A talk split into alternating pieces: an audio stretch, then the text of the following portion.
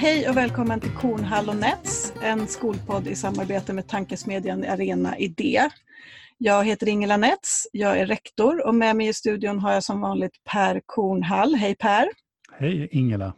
Vi har idag igen två gäster, representanter för elevernas perspektiv i skolan.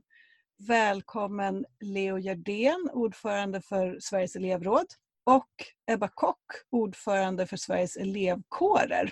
Välkomna!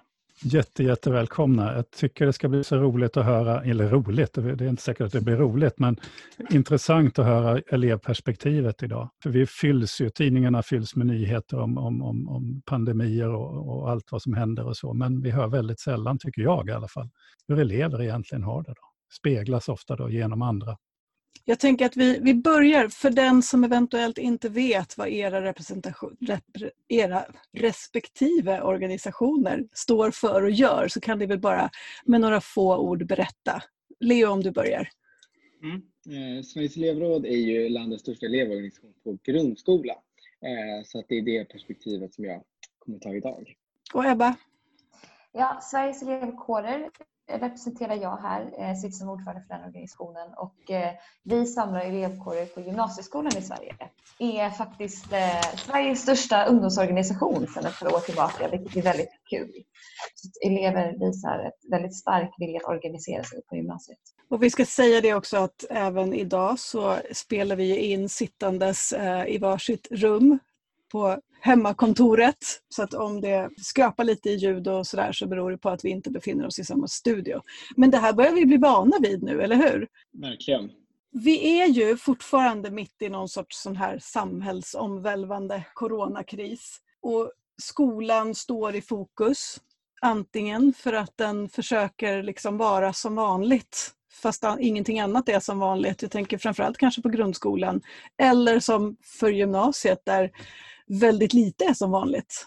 Hur mår ni? Hur ser er skolvardag ut just nu?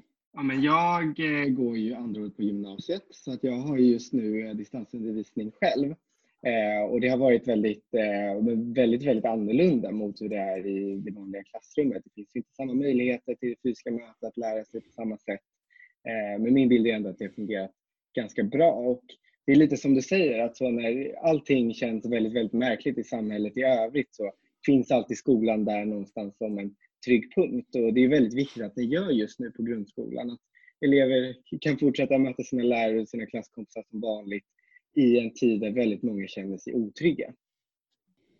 Ja, och för oss så blev ju allting väldigt annorlunda bara så på en natt. Eh, vi som sagt samlar ju på gymnasieskolan och hela vår organisation behövde ju på ett dygn i princip, precis som hela gymnasie liksom Sverige behövde göra, bara ställa om. Vilket ju blev jag är fortfarande imponerad över hur så handlingskraftigt det skedde från alla håll och kanter och att alla bara jaha, ja då ställer vi om. Så att det har liksom gått eh, förhållandevis bra och det är också det som man har pratat väldigt mycket om i efterhand hur alla verkligen bara gick ihop och löste det på något vis. Och där också eleverna som har verkligen tagit stort ansvar i det här och helt ställt om. Och det är också det som jag hör när jag pratar med våra medlemmar. Att de är så här, ja, men så här, det funkar. Det är inte optimalt men det är klart att vi gör det. Vi fattar att vi behöver göra vårt för att begränsa smittspridningen.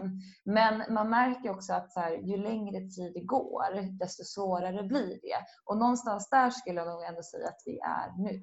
Det fanns en, eh, i The Guardian, en artikel eh, Nej, det var inte The Guardian, det var en annan, det var en amerikansk eh, utbildningstidskrift som skrev att det som pågår nu, det var, de ville slå ner näven och säga att det som pågår nu är inte distansundervisning utan det är nödundervisning. Jag tycker det var en, liksom där, ja, men det var en rätt bra tänk, tanke. Alltså, det som pågår nu är ju för att vi är tvingade att göra så. Eh, och det sker inte optimalt, men samtidigt så är just det där att alla, drar, alla försöker ju verkligen göra sitt bästa naturligtvis. Det görs ju ett otroligt arbete eh, av elever och lärare ute på våra skolor. Mm. Verkligen. Verkligen. Mm. Vilka, vilka frågor är det som framför allt era medlemmar eller era elevråd och elevkårer som ni organiserar, vad är det för frågor de lyfter? Hur ser det ut på grundskolan, Leo? Ja, men väldigt mycket just nu handlar fortfarande om eh, betygssättning. Det handlar om de elever som går i årskurs 9 och ska få sina slutbetyg. Eh, speciellt nu när nationella proven har ställts in och det är många elever som är borta från skolan helt enkelt för att man tar ansvar för att minska smittspridningen. Och det innebär ju ofta att man missar prov och liknande. Så det finns en stor oro kring att man, men kommer jag få det betyg som jag förtjänar och det, de betygen som jag så länge har arbetat för att uppnå. Sen så finns det också såklart en oro i att nej men, här är vi hundratals människor samlade i samma lokaler samtidigt som det i resten av samhället finns helt andra restriktioner. Och det där är ju en oro som också finns och att det ser väldigt olika ut i olika delar av landet. Hur bra rutiner man har med allt ifrån handhygien till städning och liknande på skolorna. Och sen kommer det såklart väldigt mycket frågor också om ja, men kommer grundskolan att stänga eller inte? Det är någonting som jag tror att varje grundskoleelev går runt och tänker på. Mm. Mm. Ja, och för oss så ska jag säga att även om gymnasieskolorna är stängda så är det ungefär samma frågor som kommer upp eller det råder samma liksom, oklarheter. Och det handlar väl framför allt om distansundervisningens inverkan på både deras möjligheter att lära sig och eh, att de, många riskerar att gå miste om liksom, vissa kursmoment men också möjligheten att få ett rättvisande betyg. Vi vet ju alla det som är liksom i skolvärlden att den här tiden på året är liksom den mest kritiska oftast för betygssättningen. Därför att läser du en, en kurs så är det ju nu som betygen ska sättas på den kursen. Och vi har ju kursbetyg i Sverige också på gymnasieskolan vilket innebär att det kommer inte finnas chanser för dig att plocka upp det sen och att kanske pröva det vid ett senare tillfälle även om du går i ettan eller tvåan på gymnasiet så är det ju fortfarande nu betygen, de slutgiltiga betygen i den kursen sätts. Mycket handlar om eh, just oro. Oro kring betyg, kring prövningstillfällen. Framförallt också när de nationella proven ställdes in och liksom hur det ska påverka betygssättningen. Det gäller för grundskolan också. För att det som vi kan se där eh, när det kommer till gymnasiet och de nationella proven är att det är bra att de ställdes in och det tycker de flesta. Men konsekvenserna av det ser väldigt olika ut och eh, många elever är väldigt oroliga kring liksom, hur det, det kommer att spela på deras betyg för att de känner att de gick miste om ett tillfälle att faktiskt visa vad de går för. Men eh, jag tänker på det, vi hade en fråga som vi hade med oss in i det här samtalet, jag och Ingela, var ju någon sorts snällhetsdoktrin eller någonting sånt där. Eh, det är ju samtidigt så att om man nu har varit utsatt för en undervisning som inte har varit optimal, då har man ju fått mindre möjligheter än än andra avgångsklasser att faktiskt få de här kunskaperna.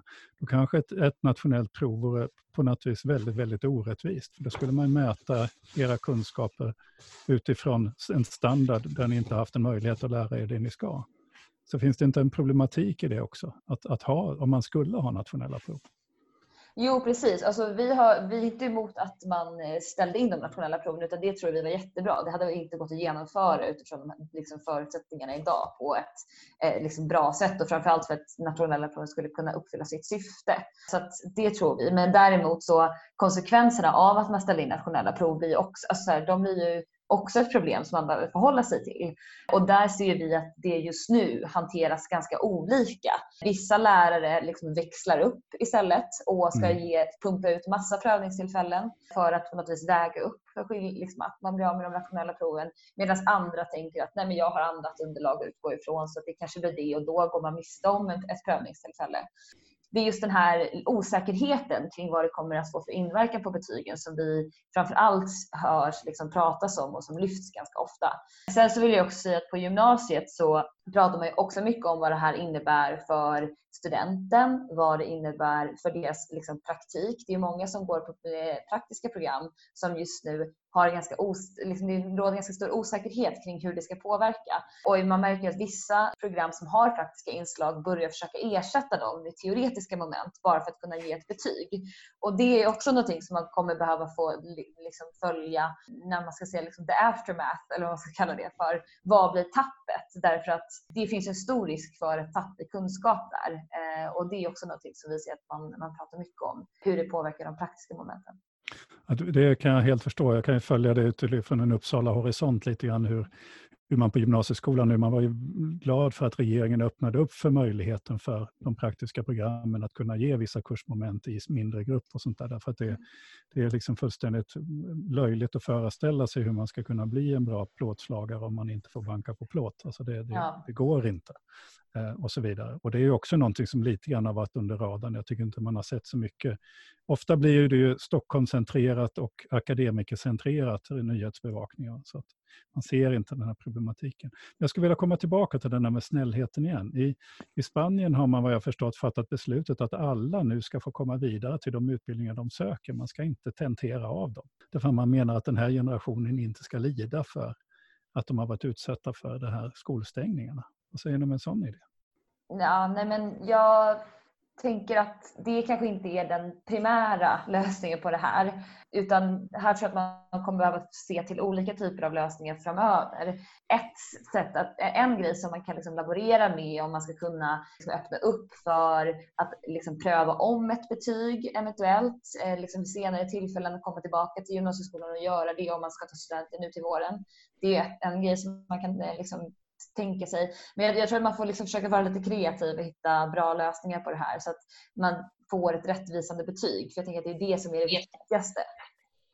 Hur, hur stor del i de, för det får vi ju gissa ändå, um, att det pågår väldigt mycket samtal på, på någon sorts nationell beslutsnivå också kring just hur man ska göra i de här frågorna med, med examinationer och bedömningar och så vidare och, och underlag. Och, och, många lärare, allt fler skulle jag säga, eh, lärare ser man också efterfrågar någon form av stöd att luta sig mot hur, så att det blir någon likvärdighet i det här också.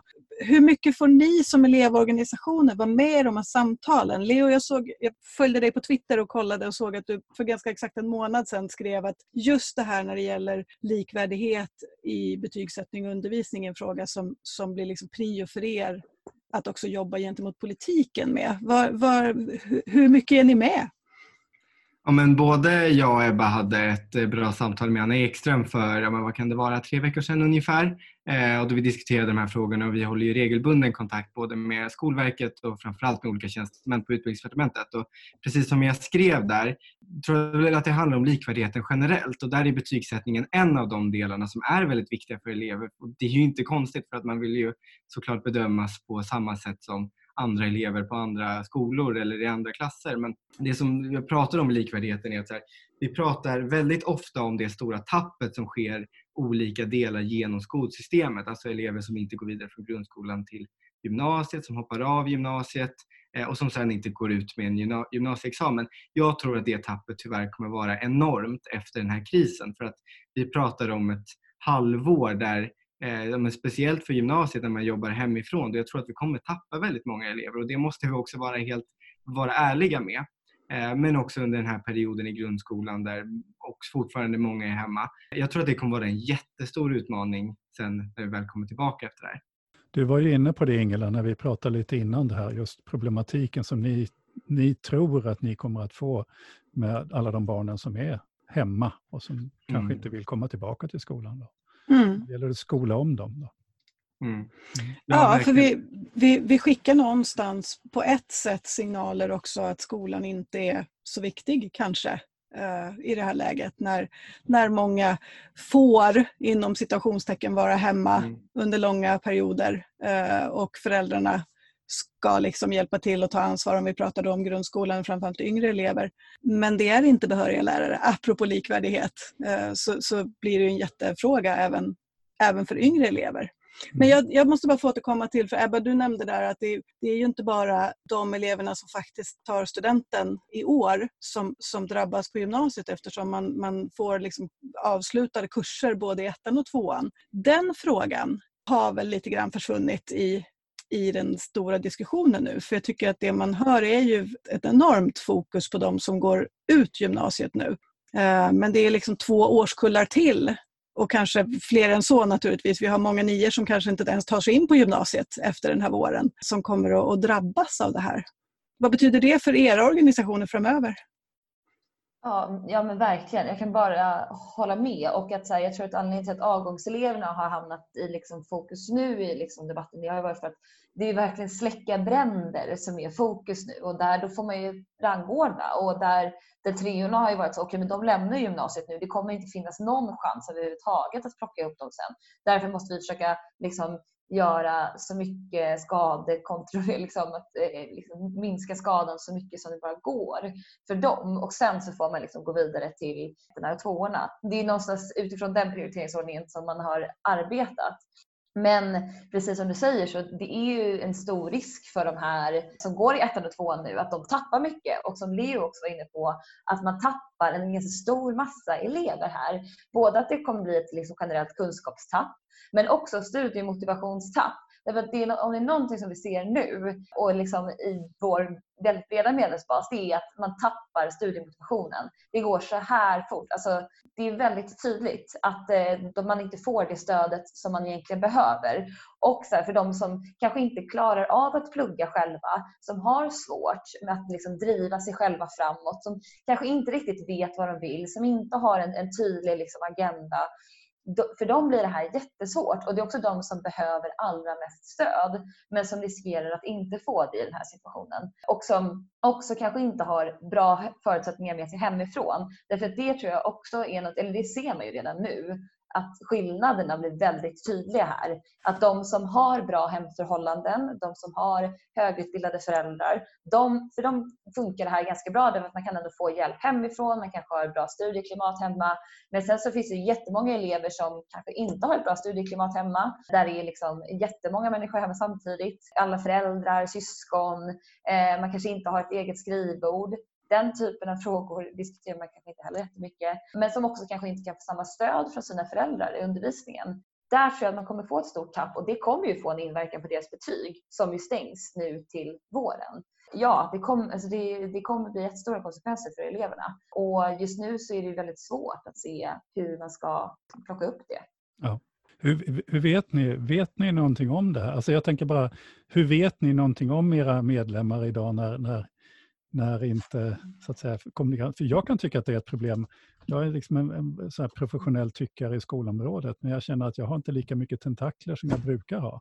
Så jag sitter i det här rummet dag ut och dag in. Men, men vet ni någonting om hur det ser ut ute i landet? Är det olika på olika ställen? Och vi ska släppa in det sen, Leo, men, men har ni någon Mm. Eh, ja, vi håller på just nu att sammanställa resultaten av en enkätundersökning som vi har gjort bland våra gymnasieelever, eller bland våra medlemmar. Så att, den är inte helt klar så jag, vill liksom inte, jag kan inte säga några exakta siffror än. Men liksom de generella tendenserna är det som, som jag har kunnat berätta om nu, liksom det som vi kan lä, liksom läsa utifrån det. Det har liksom ändå kommit in väldigt många svar och väldigt många vittnes, vittnesmål om just de här grejerna.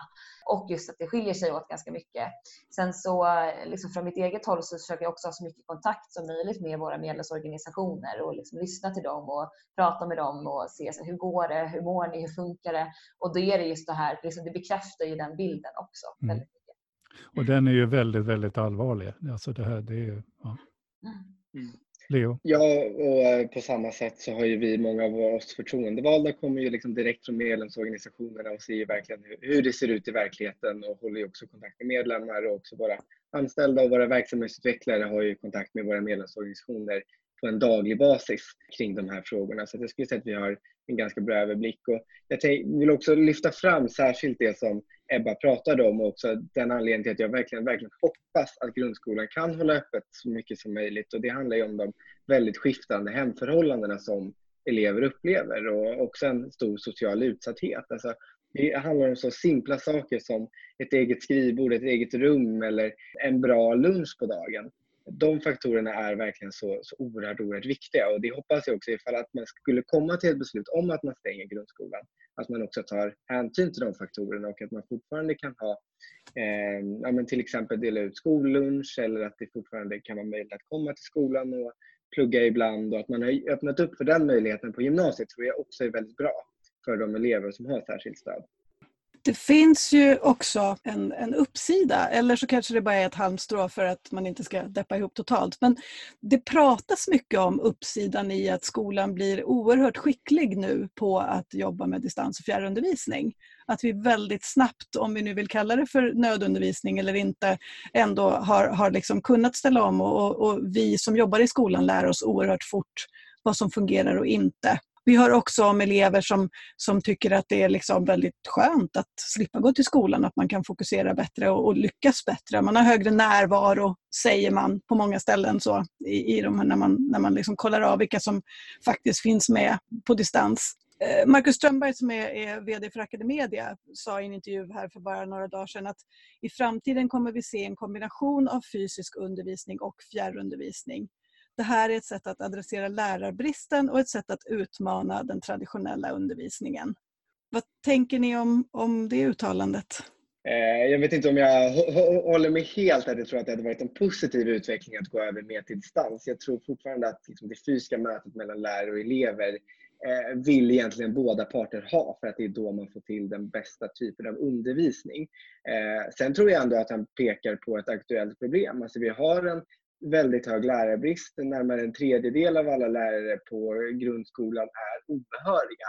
Eh, och då får man helt enkelt ställa sig inför frågan, ska man ha en behörig lärare på distans eller en icke-behörig, icke-behörig lärare fysiskt? Och där tror jag absolut att delar av det här kan, eh, kan ge ökade kunskaper och ja, men mer verktyg för skolorna att faktiskt kunna erbjuda en behörig lärare till alla elever. Och det var ju nästan lite komiskt att Ehm, jag tror att det var regeringen kom med en utredning här precis om just fjärrundervisning som inte hade något med corona att göra egentligen.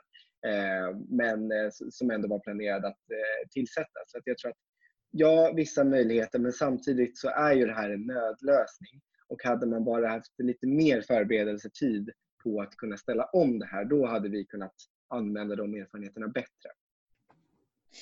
Ja, jag håller ju verkligen med och att så här, vi kan ju precis som du säger Ingela, hitta, liksom se vissa fall där det till och med funkar bättre för några elever. Och det hör ju vi också att några trivs superbra i att man får plugga hemifrån och sköta sitt arbete själv och ta eget ansvar över det och kunna liksom ha en större frihet över att planera sin vardag. Det finns ju absolut elever som tycker det och där fjärrundervisningen funkar jättebra och att det är liksom, man blir av med det här sociala trycket i att gå till skolan som, en, liksom, som några elever tycker kan vara ett hinder för att komma till skolan och ta del av undervisningen. Så på det sättet så kan vi absolut se att det här funkar liksom jättebra för vissa elever. När det kommer till fjärrundervisningen så, så här, oavsett om vi vill det eller ej så kommer vi behöva liksom nysta i precis den problematiken som Leo lyfter. Alltså att vi har ändå en ganska stor andel obehöriga lärare och eh, liksom utifrån mitt perspektiv med liksom gymnasie eh, och gymnasieelevernas bästa så handlar ju det om möjligheten att kunna få ett rättvisande betyg. Och hur ska du kunna få ett rättvisande betyg om du knappt har tillgång till en behörig lärare som kan sätta det betyget åt dig? Och där är ju fjärrundervisning ett jätteviktigt verktyg för att kunna ge det. Liksom, och framförallt om vi ska komma bort ifrån det här Stockholmsperspektivet. Om vi ska komma till gymnasieskolor som är liksom ganska långt ut liksom i mindre liksom, Eh, i mer glesbefolkade områden. Det kan vara jättesvårt att få behöriga lärare i franska till exempel dit. Då måste man kunna arbeta med till exempel fjärrundervisningen och skapa bra förutsättningar för det och bra infrastruktur för det för att man ska kunna få bra undervisning och, bra, och framförallt ett rättvisande betyg. Så jag hoppas att det här, liksom efterspelet av det här kan bidra till det och kanske till mer konstruktiva lösningar i den frågan. Jag är ju lite mer cynisk och tror att Marcus Strömberg har en tanke med det här. Alltså det är väldigt lockande naturligtvis för en företagare att sätta några lärare i ett rum och sen så, eh, få mycket elevpengar från dem och så. Eh, så jag tycker man ska vara lite försiktig med det här därför att kvaliteten ligger ju väldigt mycket i skolan, ligger ju ändå ett möte mellan människor. Och att säga att man bara för att man bor långt bort i Norrbotten inte skulle få den kvaliteten i det mötet. Eh, jag tycker fortfarande att ett ingången som, som man har i utredningen och sånt att det här är, är liksom lösningar på olösliga problem är jätteviktigt. Då. Eh, lärarbristen borde vi också adressera på andra sätt, men, men vi är i en jättesvår situation nu. Vi kommer behöva göra sådana här saker, jag håller med om det. Men jag har en liten annan sak, för jag, jag har ett citat med från någon gymnasieelev som menar att istället att det är mycket hö- alltså det är så här, Vi vet ifrån forskning att man kan inte undervisa lika bra på distans. Det vill säga man måste jobba på ett annat sätt, man måste jobba med enklare uppgifter. Man kan inte helt enkelt gå fram i samma takt därför att dimensioner fattas. Det är ganska tydligt så. Samtidigt så finns det ett citat från en gymnasieelev om att det är högre krav nu. För i och med att man inte ser varandra så måste man leverera så mycket. Eh, är det någonting som ni har sett? Alltså att eh, istället kan det finnas, alltså det ligger kanske i nervositeten då hos läraren. Vi pratar så väldigt mycket om det här med bedömning. Jag hör dig också Ebba nu, du pratar om likvärdig bedömning och betygssättning och betygssättning. Men är det inte undervisningen som ska vara likvärdig i någon mening? Eh, nu vart det två frågor i ett. Men... Ja, absolut. Och eh, jag, jag, det är inte första gången jag hör det citatet utan jag hör, jag hör liknande versioner av samma citat hela tiden. Och det här är också någonting som jag har lyft i möten med såväl liksom utbildningsministern som Skolverket som liksom rektorer runt om i landet. Alltså det här måste ni åtgärda därför att man har inte riktigt anpassat hur man undervisar utifrån förutsättningarna utan det har varit någon slags vilja att allt ska vara så normalt som möjligt och eh, liksom fungera utifrån samma struktur. Så att då har man liksom tvingat fram den nästan eh, genom att lägga på ännu fler uppgifter eh, och ännu mer så att säga grejer för eleverna att göra bara för att visa att de är med. Eh, så det kan ju vara liksom att elever får så 14 timmars dagar därför att de måste både så sitta med på alla lektioner och sen så måste de göra uppgifter för att visa att de har varit med på lektionerna. Sen måste de göra läxor som man skulle ha haft liksom utanför lektionerna eh, och sen så liksom laddas ju det upp på varandra.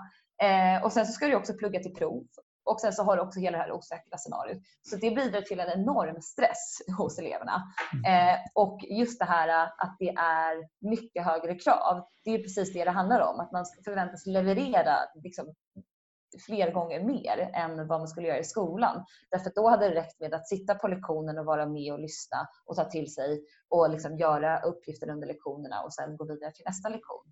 Mm. Eh, så att, ja, det, det är ett, eh, en utmaning just nu med liksom hela distansundervisningen. Att hur ska man anpassa den så att eleverna lär sig på riktigt och inte bara förväntas leverera massa grejer.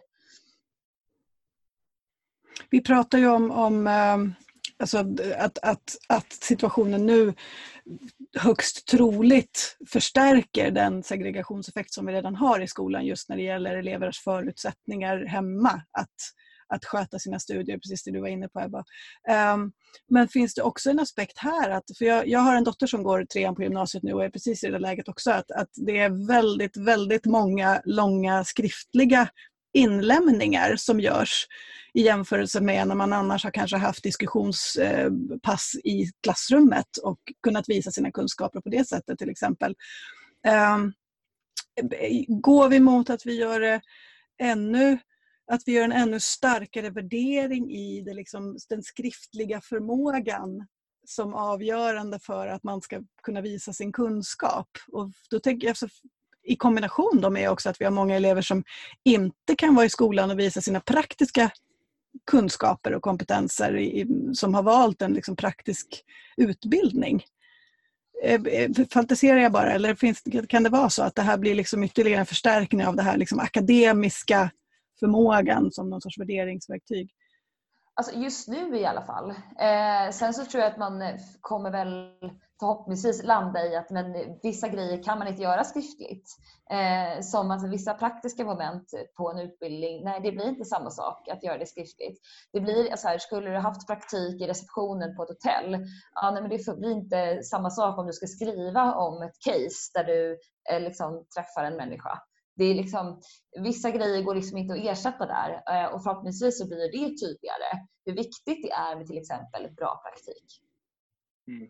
Ja, men jag tror absolut det som du säger Ingela. Alltså, I klassrummet så har ju läraren helt andra möjligheter att se vad eleven kan. Det handlar ju om de diskussioner man har i klassrummet, man kan ha seminarium, man kan använda om olika praktiska moment, visualisera och liknande. Och då kan man hitta de metoder som passar bäst för den eleven och läraren kan få en helhetsöverblick eh, över elevens kunskaper. Det blir ju väldigt, väldigt mycket svårare nu och då måste man gå på det skriftliga och där påverkar ju väldigt mycket vilka eh, om man, har pratat, om man pratar svenska hemma till exempel och vilken akademisk utbildning ens föräldrar har eh, och inte minst på grundskolan hur mycket man kan hjälpa till.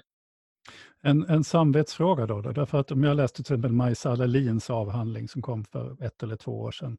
Hon tittade väldigt nära på två gymnasieskolor, en friskola och en kommunal. Det hon kunde se var en utbredd fuskkultur.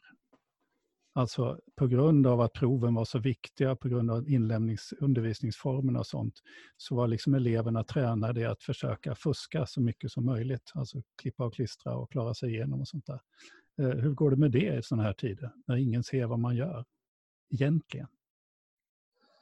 Eh, vi hör ju absolut att det här öppnar upp för, framför allt med tanke på den höga arbetsbelastningen, att man behöver så försöka bara ta sig igenom alla uppgifter. Vilket absolut gör att man kanske inte eh, gör dem så helhjärtat och genomgående som man hade gjort annars. Det tror jag absolut. Och det är det många elever som vittnar om också. Eh, att så här, det är ju helt andra förutsättningar. Jag kan stänga av kameran och gå och lägga mig. Det är ingen som ser det. Alltså, det, det är klart att det är en, en, situation som man behöver hantera eh, och som existerar i det här läget. Absolut. Mm.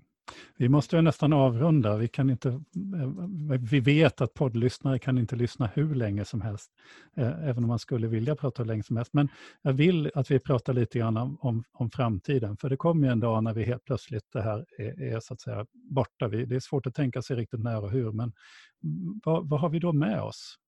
Vad har vi lärt oss förhoppningsvis? Eh, hur kommer det se ut?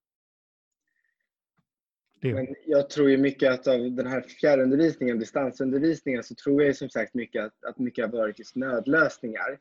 Eh, och därför tror jag att det är svårt att så på något längre perspektiv kunna använda sig av de här kunskaperna. Jag tror framförallt så kommer vi ha väldigt mycket problem med det som jag pratade om tidigare, alltså likvärdigheten. Jag tror att vi kommer ha tappat väldigt, väldigt många elever under det här som har varit hemma och som har tappat motivationen och inte kunnat hänga med på samma sätt.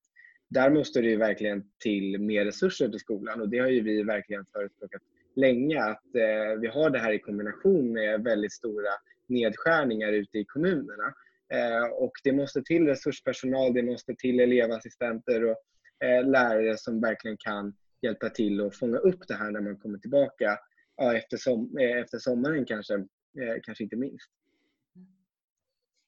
Ja, och jag tror nog att det här kommer, liksom när det har lagt sig lite allting och vi ska på något vis försöka återgå till vad, vad som är det gamla normala i alla fall. Um, att det kommer blottlägga både det allra bästa med den svenska skolan men också kanske de allra största utmaningarna. Att det kommer utkristallisera sig väldigt tydligt tror jag efter det här.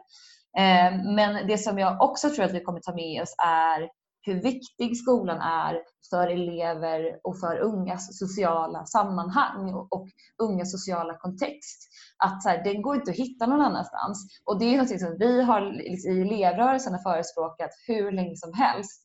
Hur viktig skolan är för ditt sociala sammanhang, för att känna att du hör till, för att känna att du har en kontext att förhålla dig till, att det finns människor som förväntar sig saker av dig, som bryr sig om att du är där och där du är viktig. Och att liksom skolan finns till för dig för att både som en social mötesplats och hela din liksom livsvärld men också eh, den platsen där du ska ta med dig de kunskaperna som du kan få möjlighet att bära med dig resten av livet. Och jag hoppas liksom att det blir att vi värnar om det lite mer efter det här.